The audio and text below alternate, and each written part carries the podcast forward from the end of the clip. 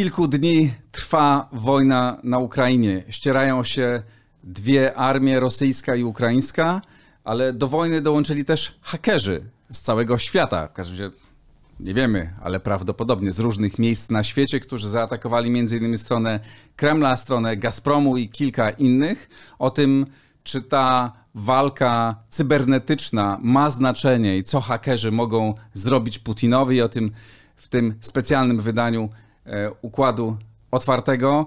Przypominam, to niezależny program, który możecie Państwo wspierać w serwisie za pośrednictwem serwisu e, patronite.pl. Wszystkim patronom bardzo serdecznie dziękuję i zapraszam na rozmowę.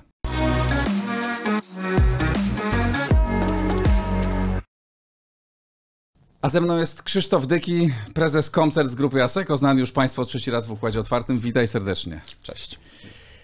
Co, może, co mogą zrobić e, e, hakerzy? Czy oni mogą poważnie zaszkodzić e, e, Rosjanom?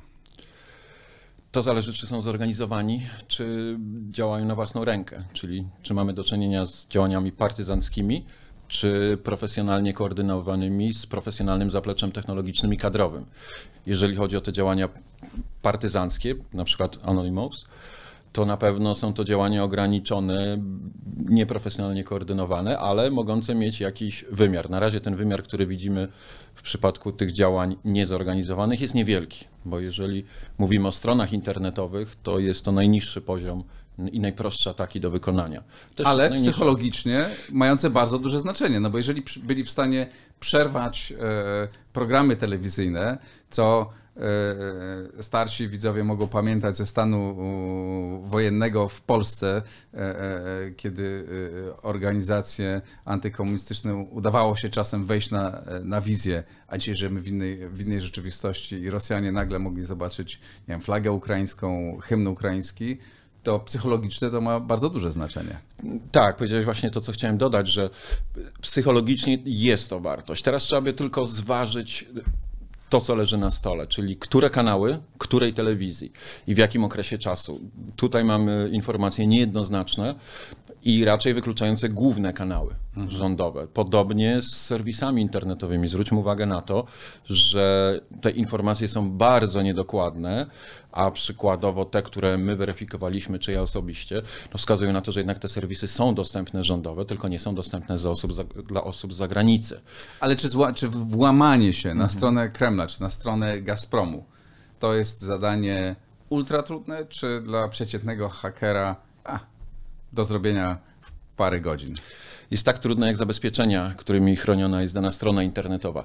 Natomiast zadałbym inne pytanie, gdzie się włamano, do której strony się włamano, bo ja o takim przypadku nie słyszałem. Mhm. Mówimy o niedostępności pewnych stron, to nie jest włamanie na stronę, tylko to jest atak, najczęściej wolumetryczny, tak zwany DDoS. To nie jest włamanie, podkreślam, na stronę, to jest obciążenie usługi, to jest doprowadzenie do jej spowolnienia działania bądź wyłączenia. Idąc y, do ciebie, tutaj do studia, sprawdziłem stronę, czy prezydenta Rosji czy rządową rosyjską główną stroną, obie strony działają. One nie działają z naszych e, urządzeń, gdy łączę się z Polski. One nie działają, gdy łączę się VPN-ami ogólnie dostępnymi, czyli przez serwery rosyjskie, ale ogólnie znane, które można łatwo zidentyfikować i wykluczyć w ramach obrony Rosji jeżeli te służby to robią, ale gdy łączę się już przez adresy rosyjskie niepublicznie znane, to te strony są dostępne. Fakt, one działają trochę wolniej, ale widocznie wolniej działają, ale są dostępne, więc tutaj brakuje nam dokładnych informacji, bo gdy zajmujemy się już trochę bardziej profesjonalnym badaniem tej sytuacji, okazuje się, że mm, te skutki, o których mówisz, te skutki, o które pytasz, są związane z metodą ochrony, jakie stosuje w tym momencie obrony, jakie stosuje w tym momencie Rosja, e, rząd i ich służby, czyli tak zwany geofencing, wyłączanie geograficzne dostępności stron, uwaga, stron, nie usług, o tym pewnie będziemy jeszcze dzisiaj mhm. mówić, dla określonej grupy geograficznej. A najprościej rzecz ujmując, dostępność stron dla Rosjan, mhm. głównie z terenu Rosji i te zrzuty ekranów, informacje, komunikatach 404, 18, 15, 14 i tak dalej, no pamiętajmy, że to jest efekt działania tych systemów. Nie zawsze, ale głównie. Więc tutaj trzeba zawsze z dużą ostrożnością podchodzić do tych informacji. Czy y, Anonymous zapowiadał w jakimś nagraniu, które znalazłem w sieci, e, że wkrótce wyciekną maile Putina, informacje, które skom- skompromitują wobec jego partnerów, no bo wobec świata to już nie da się bardziej go skompromitować pewnie, ale, ale wobec, nie wiem, oligarchów, generałów, współpracowników. Czy to jest ktoś, czyjaś zabawa, czy to może być realna groźba wobec, yy, wobec Putina, realna do zrealizowania? Myślę, że o ile ta groźba jest realna, za chwilę powiem dlaczego, to myślę, że sam prezydent Putin raczej y, niespecjalnie się jej obawia, bo nie sądzę, żeby jego podstawowym narzędziem pracy był y, mail. Być może tak jest, byłbym zaskoczony. Natomiast rzeczywiście jego otoczenie, czy to oligarchiczne za granicą, czy też y, na miejscu u niego w kraju, byłbym zaskoczony, gdyby takie maile nie wypłynęły, ponieważ dotarcie, do, zaatakowanie poszczególnych osób, co też widzieliśmy na terenie naszego kraju, atak kierunkowy na poszczególne osoby, na ich pocztę mailową, jest możliwy. On nie jest łatwy, nie twierdzę, że jest łatwy. On jest tak trudny, tak trudny, jak słabe są zabezpieczenia danej poczty, danej osoby. I z doświadczenia wiem, że przeciętny, przeciętny użytkownik poczty nie jest dobrze zabezpieczony, więc myślę, że to nie będzie wielkim wyzwaniem dla tej grupy i nie tylko dla tej grupy, uzyskanie rzeczywiście dostępu do maili, załączników wy, wybranej grupy osób, może nie samego prezydenta Putina, ale grupy osób bardzo blisko niego. Tak, przy czym wykluczam raczej włam do serwerów rządowych, ale prywatne osoby, prywatni oligarchowie, jacyś przedsiębiorcy, tak. Mhm. A y, czyli rozumiem, podsumowując ten wątek, to nie jest na razie jakaś wielka rzecz. Te parę blokad, które się y, y, zdarzyły psychologicznie, to ma jakieś znaczenie. My się cieszymy, oni się martwią. Pewnie tam jakiś niepewność się rodzi, ale to na razie szkód wielkich nie narobiono. Szkód wielkich absolutnie nie narobiono. Kiedy te szkody by były, gdybyśmy mieli do czynienia z, dostęp, z ograniczeniem dostępności usług na przykład finansowych, na przykład łączności, e, na przykład telewizyjnych. Nie mamy z tym do czynienia. Jeszcze ani razu nie mieliśmy z tym do czynienia od początku tej wojny, ale zwróćmy uwagę, że nie mamy do czynienia ani po stronie ukraińskiej, ani po stronie rosyjskiej. O czym to mówi? To znaczy, że co, Rosjanie nie próbowali tego, czy może próbowali, a okazało się, że Ukraińcy byli nieźle przygotowani i odparli te, te ataki? Bo początkowo pojawiły się, e, e, przecież były jakieś blokady dwóch banków jeszcze przed samą agresją kinetyczną. E, czyli fizyczną na Ukrainę. Pojawiły się takie informacje, natomiast z tego, co ja obserwuję, to Rosja była bardzo dobrze przygotowana do ataków cybernetycznych. Bardzo dobrze. To nie tylko geofencing, o którym wcześniej mówiłem, o tym świadczy, ale również natychmiastowa niedostępność, o czym nigdzie nie przeczytasz, ale natychmiastowa niedostępność pięciu z czterech największych banków Rosji od momentu rozpoczęcia konfliktu dla klientów z zagranicy, stron internetowych tych banków. Co ciekawe, usługi działają, dla wszystkich usługi, czyli na przykład aplikacje mobilne one działają, a jeżeli chcesz otworzyć strony tych banków, to się nie połączy z nimi, uzyskując komunikaty mhm. o błędach. Niestety gro osób utoż, zaczęło utożsamiać te komunikaty o błędach z atakiem. To nie był atak, tylko to był ten właśnie geofencing, wykluczenie geograficzne pewnej okay. grupy, um, pewnej grupy odbiorców tych stron internetowych. Musimy pamiętać, strona to jedno, usługi to jedno. Więc to pokazuje, że skoro e, Rosja i te główne kluczowe instytucje wyłączyły e, swoje systemy natychmiast od y, momentu rozpoczęcia inwazji, wyłączyły swoje strony internetowe, to się spodziewały ataku. Spodziewały się ataku wolumetrycznego, DDoSowego. Y, dość odważnie i skutecznie gra przykładowo y, Gazprom Bank, który jest dostępny również dla klientów dla odwiedzających zagranicę działa i tutaj nawet nie zastosował tego geofencingu, co bardzo dobrze świadczy, nawiasem mówiąc, o poziomie jego zabezpieczeń. Mhm. A w drugą stronę, dlaczego Rosjanie do tej pory nie zaatakowali skutecznie serwerów e, ukraińskich. Bo domyślam, tak intuicyjnie, wydaje mi się, że pewnie Rosjanie są dużo lepiej wyposażeni cybernetycznie niż Ukraińcy. Czy się mylę? Tak, bardzo dobrze się domyślasz. Rosja w cyberprzestrzeni jest absolutną potęgą.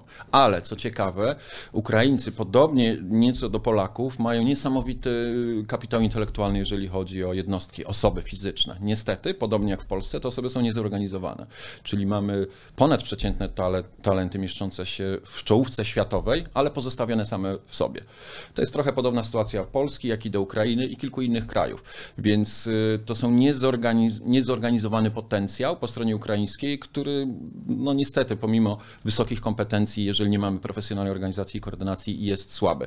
Dlaczego Rosjanie nie zaatakowali mm, Ukrainy cybernetycznie. Według mnie nie ma takiej potrzeby w tej chwili. Zwróćmy uwagę, w jaki sposób przebiega ta, ta wojna, ten konflikt. On przebiega w sposób, to nie jest, nie ma wszystkich znamion prawdziwej wojny, nie ma tej skali prawdziwej wojny, która ma miejsce. Jest haniebny czyn, jest oczywiście gro, gro bardzo złych konsekwencji, również oczywiście śmierci, tragedii ludzkich. To jest bezdyskusyjne, ale Rosja nie stosuje swojego arsenału ani w pełnej skali, ani fizycznego, klasycznego, ani cybernetycznego. Cybernetycznego no, fizycznego wręcz... być może właśnie kiedy rozmawiamy albo być w może, najbliższych tak. godzinach e, użyje ciężkich, tak. e, e, ciężkich sprzętów, e, o czym, co, o czym, o czym już się o czym mówi coraz mówi. głośniej, mhm. ale zauważ, że właśnie do tej chwili nie. I to jest też odpowiedź na twoje pytanie. Z podobnego powodu Rosja... Czy być może po prostu szykują dopiero to? Tak, absolutnie tak. To właśnie chciałem powiedzieć, że ja się spodziewam, że Rosja ten arsenał ma w gotowości. Jeżeli będzie potrzebny, to go po prostu użyje. Na razie z mojej perspektywy, patrząc na strategię w cyberprzestrzeni, to rzeczywiście jest to głęboko przemyślane. Nie ma potrzeby używania absolutnie ataku, a jeżeli on zostanie użyty, to skutki według mnie będą widoczne natychmiastowo i w pierwszej kolejności przestaną działać właśnie usługi mm, finansowe, bezpieczeństwo, łączność. Mhm. No ale z tego, co z moich e, e, rozmów z rozmaitymi ekspertami w momencie rozpoczęcia wojny i tuż przed, e, przed nią wynikało, że pierwszym celem agresora rosyjskiego, tak jest w ich doktrynie zapisane, jest to dosyć logiczne, jest unieszkodliwienie centrum dowodzenia. Atak na, tak miał być, atak na Kijów, tak, chcieli zdobyć ten Kijów w dwa dni, nie udało im się, bo mhm. chodziło o to nie, żeby zająć całe miasto, ale żeby zlikwidować e, przywództwo polityczne i wstawić tam swoich e, ludzi. No to wydaje się, że żeby unieszkodliwić przywództwo, e, dowództwo państwa, e, e, atak cybernetyczny byłby bardzo przydatny. Byłby przydatny, gdybyśmy rozmawiali o Izraelu, Niemcach, Wielkiej Brytanii i na pewno Stanach Zjednoczonych. Zadam inne pytanie. Jaki poziom cyfryzacji wojska jest w, na Ukrainie? I to jest nie prawdopodobnie wiem, odpowiedź na to, tak. co pytasz. No mhm. niestety raczej niewielki. Nie widzimy też, ja nie widzę do chwili obecnej żadnej cyberbroni w rękach Ukraińców, nie widzę żadne, żadnych systemów obrony y, cybernetycznej. Gdy pozwoliłem sobie wyrywkowo sprawdzać niektóre serwisy, kluczowe usługi ukraińskie, to ja raczej stoję na stanowisku, że one są po prostu bardzo, bardzo słabo zabezpieczone. Więc to nie ten poziom, nie ten poziom technologiczny ofiary, wobec której byłoby zastosowane to, o co pytasz. Mhm. Czy, czyli tak, rozumiem, że e, po pierwsze, te początkowe, te ataki Anonimusa, czy nie wiadomo kogo, no były lekko spektakularne, ale to raczej myśmy o tym więcej czytali na Twitterze niż, niż, rzeczywiście jakoś zaszkodziły mocno Rosjanom. Rosjanie tego nie używają u, e, na razie. Ukraińcy raczej są w tym słabi i nie uderzą. Pytanie jest takie, czy świat zachodni który oficjalnie oczywiście e, nie tak samo jak nie, nie bierze udziału fizycznie e, w wojnie, bo nie chce wywołać wojny Rosja-NATO wprost, ale dozbraja Ukraińców, czy świat zachodni może skutecznie zaatakować cybernetycznie mm, Kreml i i realnie im zaszkodzić. Tak? Czy to jest fizyczne do, do e, wykonania i czy to można zrobić tak, żeby to nie było jasne, kto to, e, kto to robi? Jest bardzo dobre pytanie. On, ono jest głębokie, ma wiele wymiarów. Jeżeli światem zachodnim są Stany Zjednoczone, tak. Absolutnie tak. Jeżeli światem zachodnim jest Unia Europejska, absolutnie nie. Jest przepaść pomiędzy potencjałem e, cyberbroni w Unii Europejskiej, a w Stanach Zjednoczonych. Więc to na... Izrael jeszcze ma, ale Izrael, Izrael się nie włączy z różnych ale, powodów. Ale tak, ale w tym go, mm, w tej kategorii go nie ujmuje. Na pewno potęga, tak, również Chiny. Ale jeżeli mhm. mówimy świat zachodni, to rozumiem, że pytasz głównie Unia Europejska, NATO, Stany Zjednoczone, więc Stany Zjednoczone absolutnie tak. Mhm. Mm, Unia Europejska absolutnie nie. I i jeżeli chodzi o, tak jak wspomniałeś, Izrael, rzeczywiście to by było, to by było możliwe. To jest to, nad czym ubolewam, że tak naprawdę dzisiaj, w dobie tej właśnie e, sytuacji, którą mamy po stronie ukraińskiej u naszego sąsiada, z którym się przecież chyba wszyscy identyfikujemy. Nie wiem, muszę zapytać, przepraszam, co ty masz za koszulkę? A ta koszulka to jest, to jest symbol, to jest w ogóle symbol Royal Air e, e, e, Force, czyli e, e, sił brytyjskich lotniczych e, z dawnych czasów, Mhm. ale dla mnie najważniejsze było to, że w środku tej tarczy jest e, kolor czerwony e, e, i że tutaj jest e, e, Putin e, i A, Krem, dlatego okej. to założyłem przy tej okazji. To rozumiem, to, to Chociaż dziękuję. no, atmosfera jest taka wojenna też jakby, dlatego założyłem. Tak, nie wiedziałem, dziękuję. No to się wpisuje w moją y, y, wypowiedź, bo ubolewam nad tym, gdzie od lat również wcześniej w Twoim programie mówiliśmy o tym, że jest potrzebne posiadanie silnego ośrodka, takiego zaplecza cybernetycznego, ośrodka badawczo-rozwojowego z jednej strony, z drugiej strony produkcyjnego, który będzie wytwarzał technologię, kumulował kompetencje eksperckie. Dzisiaj właśnie to, o co zapytałeś, gdybyśmy dysponowali, okej, wojsko fizyczne, klasyczne, mamy bardzo duże zaległości i nigdy y, nie będziemy raczej potęgą, przynajmniej w najbliższych dziesięcioleciach. Ale gdyby dzisiaj Polska dysponowała właśnie tym potencjałem, o który pytasz, cybernetycznym, który jest znacznie tańszy, nieporównywalnie tańszy do wytworzenia, utrzymania i rozwoju niż klasyczny potencjał wojskowy fizyczny, moglibyśmy pokazać naszą moc, zmienić naszą pozycję geopolityczną na arenie międzynarodowej, ale podkreślam geopolityczną również i pokazać, że, że właśnie dysponujemy nowoczesnymi, nowoczesnymi technikami walki i obrony, wspierając na przykład Ukraińców w, czy w obronie, czy w ataku. Dzisiaj nie jesteśmy w stanie zbyt dużo im zaoferować i jestem mm, tutaj bardzo wyrozumiały w swojej wypowiedzi. Jedno jeszcze chciałbym nadmienić. A jeszcze, przepraszam, jeżeli o tym, jeżeli już powiedziałeś o naszych zdolnościach, a to powołanie tej cyberarmii e, e, przez Ministerstwo Obrony Narodowej jakiś czas temu, chyba ze dwa lata temu, prawda? Czy to już przyniosło jakieś e, efekty i czy to w ogóle jest e, sensowne działanie, twoim zdaniem? Jest sensowne działanie co do idei. Oczywiście, że tak, trzeba było to zrobić. Mm, Teraz mamy jeszcze świeżo powołane Wojska Obrony Cyberprzestrzeni, więc jest trochę tych tworów. Co do idei, świetny pomysł. Natomiast e, gdybyśmy zagłębili się w sposób realizacji, e, to myślę, to myślę, że mielibyśmy materiał na kolejną rozmowę, ponieważ w żadnym kraju, który jest rozwinięty mm, cybernetycznie, czyli te kraje, które wcześniej wymieniliśmy, kilka krajów, struktury badawczo-rozwojowe, produkcyjne, kompetencyjne nie są um, tworzone i kumulowane w wojsku. One są zewnętrzne. To wynika z y, wielu faktów, które znane są rozwiniętym krajom, że z jakiegoś powodu te struktury nie są tworzone w wojsku. One działają na rzecz wojska, produkują na rzecz wojska, są do dyspozycji tak. wojska, ale nie są tworzone w wojsku. Więc idea tak, sam ruch tak, natomiast sposób realizacji moglibyśmy o tym y, długo rozmawiać. Czy, czy można to zrobić lepiej? Bo według mnie można. Natomiast i tak szacunek za to, że coś jest robione. Wracając do wojny ukraińsko-rosyjskiej, powiedziałeś, że Stany Zjednoczone byłyby w stanie skutecznie zaatakować e, e, Rosję.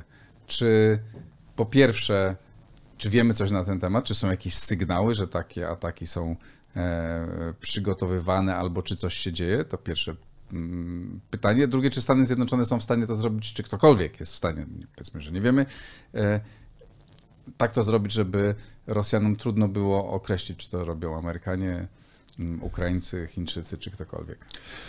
Okej, czyli w pierwszej kolejności, czy Stany Zjednoczone są w stanie to zrobić? Oczywiście, że, że są i mogą to zrobić, ale dlaczego tego nie robią? Odpowiedź jest zawarta w drugim Twoim pytaniu.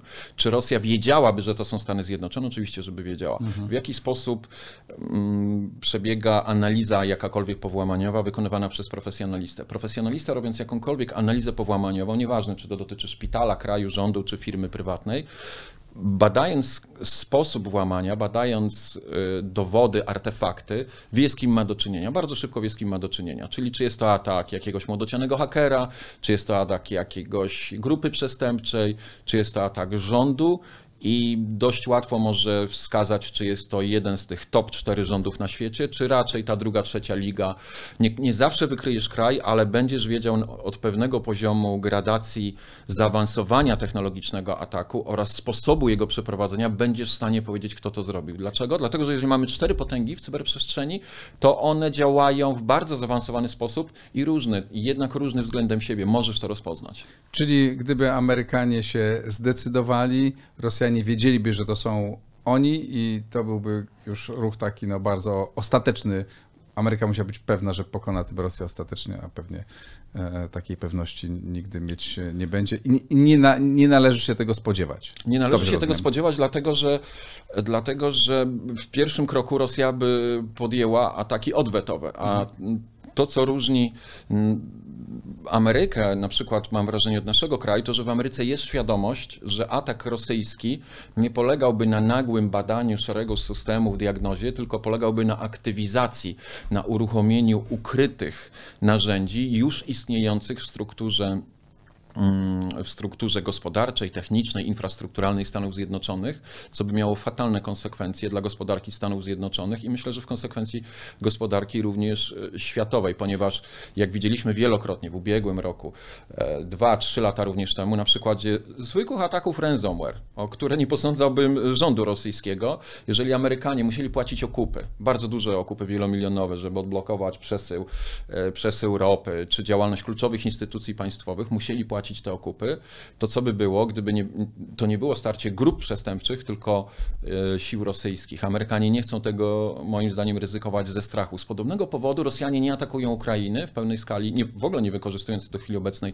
potencjału cybernetycznego, ponieważ odkryliby się przed Ameryką i przed NATO co posiadają, a na to tylko czeka Ameryka i NATO, żeby zobaczyć, czym dysponuje w cyberprzestrzeni Rosja. Bo tak naprawdę wszyscy się domyślają po różnych delikatnych wycieka w łamaniach, ale nikt do końca nie wie, czym dysponuje Rosja w cyberprzestrzeni, mhm. aczkolwiek każdy ekspert wie, że to są potężne narzędzia. Czyli wracając do mojego początkowego pytania, tak zrozumiałem, że albo e, jeśli to będzie walka partyzancka, to jej szanse nie są e, wielkie. Jeśli włączą się w to poważne siły państwowe tych najważniejszych, najsilniejszych cybernetycznie państw, tak, to może być skuteczne. Podsumowując, nawet jeśli super hakerzy z całego świata się e, e, zbiorą, e, będą współdziałać, to i umówią się, że atakują Rosję, to nie narobią jej wielkich szkód. Dokładnie tak. Możesz zastosować analogię, co by było, gdyby najlepsi wojskowi z całego świata, emerytowani czy nie, skrzyknęli się przeciwko Rosji. A co by było, gdyby właśnie mocarstwo zaatakowało? To jest taka sama różnica w tym cyber, absolutnie porównywalna. Czyli co mogą jednostki genialne, ale jednak rozproszone, nieprofesjonalnie koordynowane i finansowane i niezorganizowane, co mogą te jednostki versus, y, versus jednak zorganizowane, profesjonalne wojsko. To jest nieporównywalna skala. Mogą wyrządzić szkody. Nie spodziewałbym się, aby to było coś bardzo dotkliwego. Raczej krótkotrwałe sytuacje, na które moim zdaniem Rosja jest gotowa i ma zespoły zdolne do błyskawicznego błyskawicznego e, reagowania, bo w mojej ocenie Rosja jest jednym z najlepiej zabezpieczonych krajów, co nie znaczy, że bardzo dobrze zabezpieczonym, ale jednym z najlepiej zabezpieczonych krajów przed atakiem cybernetycznym. I na koniec e, jeszcze zupełnie inne pytanie. E, Elon Musk wczoraj ogłosił, że usługa Starlink będzie zaczyna działać na Ukrainie. Czy to da się od tak włączyć? Co to dokładnie jest? Czy to może być realna pomoc, z której w tej wojnie w każdym razie Ukrainie mogą skorzystać, Ukraińcy mogą skorzystać. To jest dość zaskakująca informacja, bardziej medialna chyba służąca promocji, y, y, promocji produktu i firmy Elona Muska, która bardzo mu się przyda do notowań giełdowych, kolejnego wzrostu, czego I mu życzę. do tego, że my mówimy o tym. I my mówimy o tym, natomiast z technologicznego punktu widzenia zapytam się, a, a gdzie my słyszymy o problemach z dostępem do internetu w Ukrainie? Bo ja o tym nie słyszałem. Gdyby Rosja chciała odciąć internet w Ukrainie, zrobiłaby to w ciągu minut, a nie godzin. Nie byłoby w ogóle internetu w Ukrainie. Jest to bardzo no ale proste. może to się zdarzyć jutro, pojutrze. Może się zdarzyć, natomiast jeżeli Elon Musk doskonale wie, o czym mówi, natomiast no, sam Elon Musk ma świadomość, że jeżeli Rosja będzie chciała wyłączyć internet w Ukrainie, to jeszcze łatwiej wyłączy internet satelitarny niż fizyczny kablowy. To jest bardzo proste i polega Czy na to nic nie, interferencji. To jest y, Fale tylko radiowe. i wyłącznie e, marketingowy e, tylko zabieg, który, e, który nic nie, nie będzie Militarnie miał i cywilnie to jest miły gest dobrej woli, takie jak wiele gestów ze strony, ze strony Polski, natomiast faktycznie, czy militarnie, czy cywilnie, łącznościowo, to niewiele zmienia dla Ukrainy. Pamiętajmy, ja nie słyszałem, żeby Ukraina miała problem z internetem na skalę kraju. Bardzo Ci e, dziękuję. Krzysztof Dyki, szef firmy Comcert z grupy ASECO był z nami. E, dziękuję bardzo Państwu. E, oglądajcie Układ Otwarty, oglądajcie inne odcinki. W tym szczególnym czasie robimy ich więcej. Jeśli chcecie wspierać te rozmowy i rozwój układu otwartego, zapraszam do serwisu patronite.pl. Ten program zrealizował Marek Nowakowski. Bardzo mu dziękuję, dziękuję Państwu. Do usłyszenia.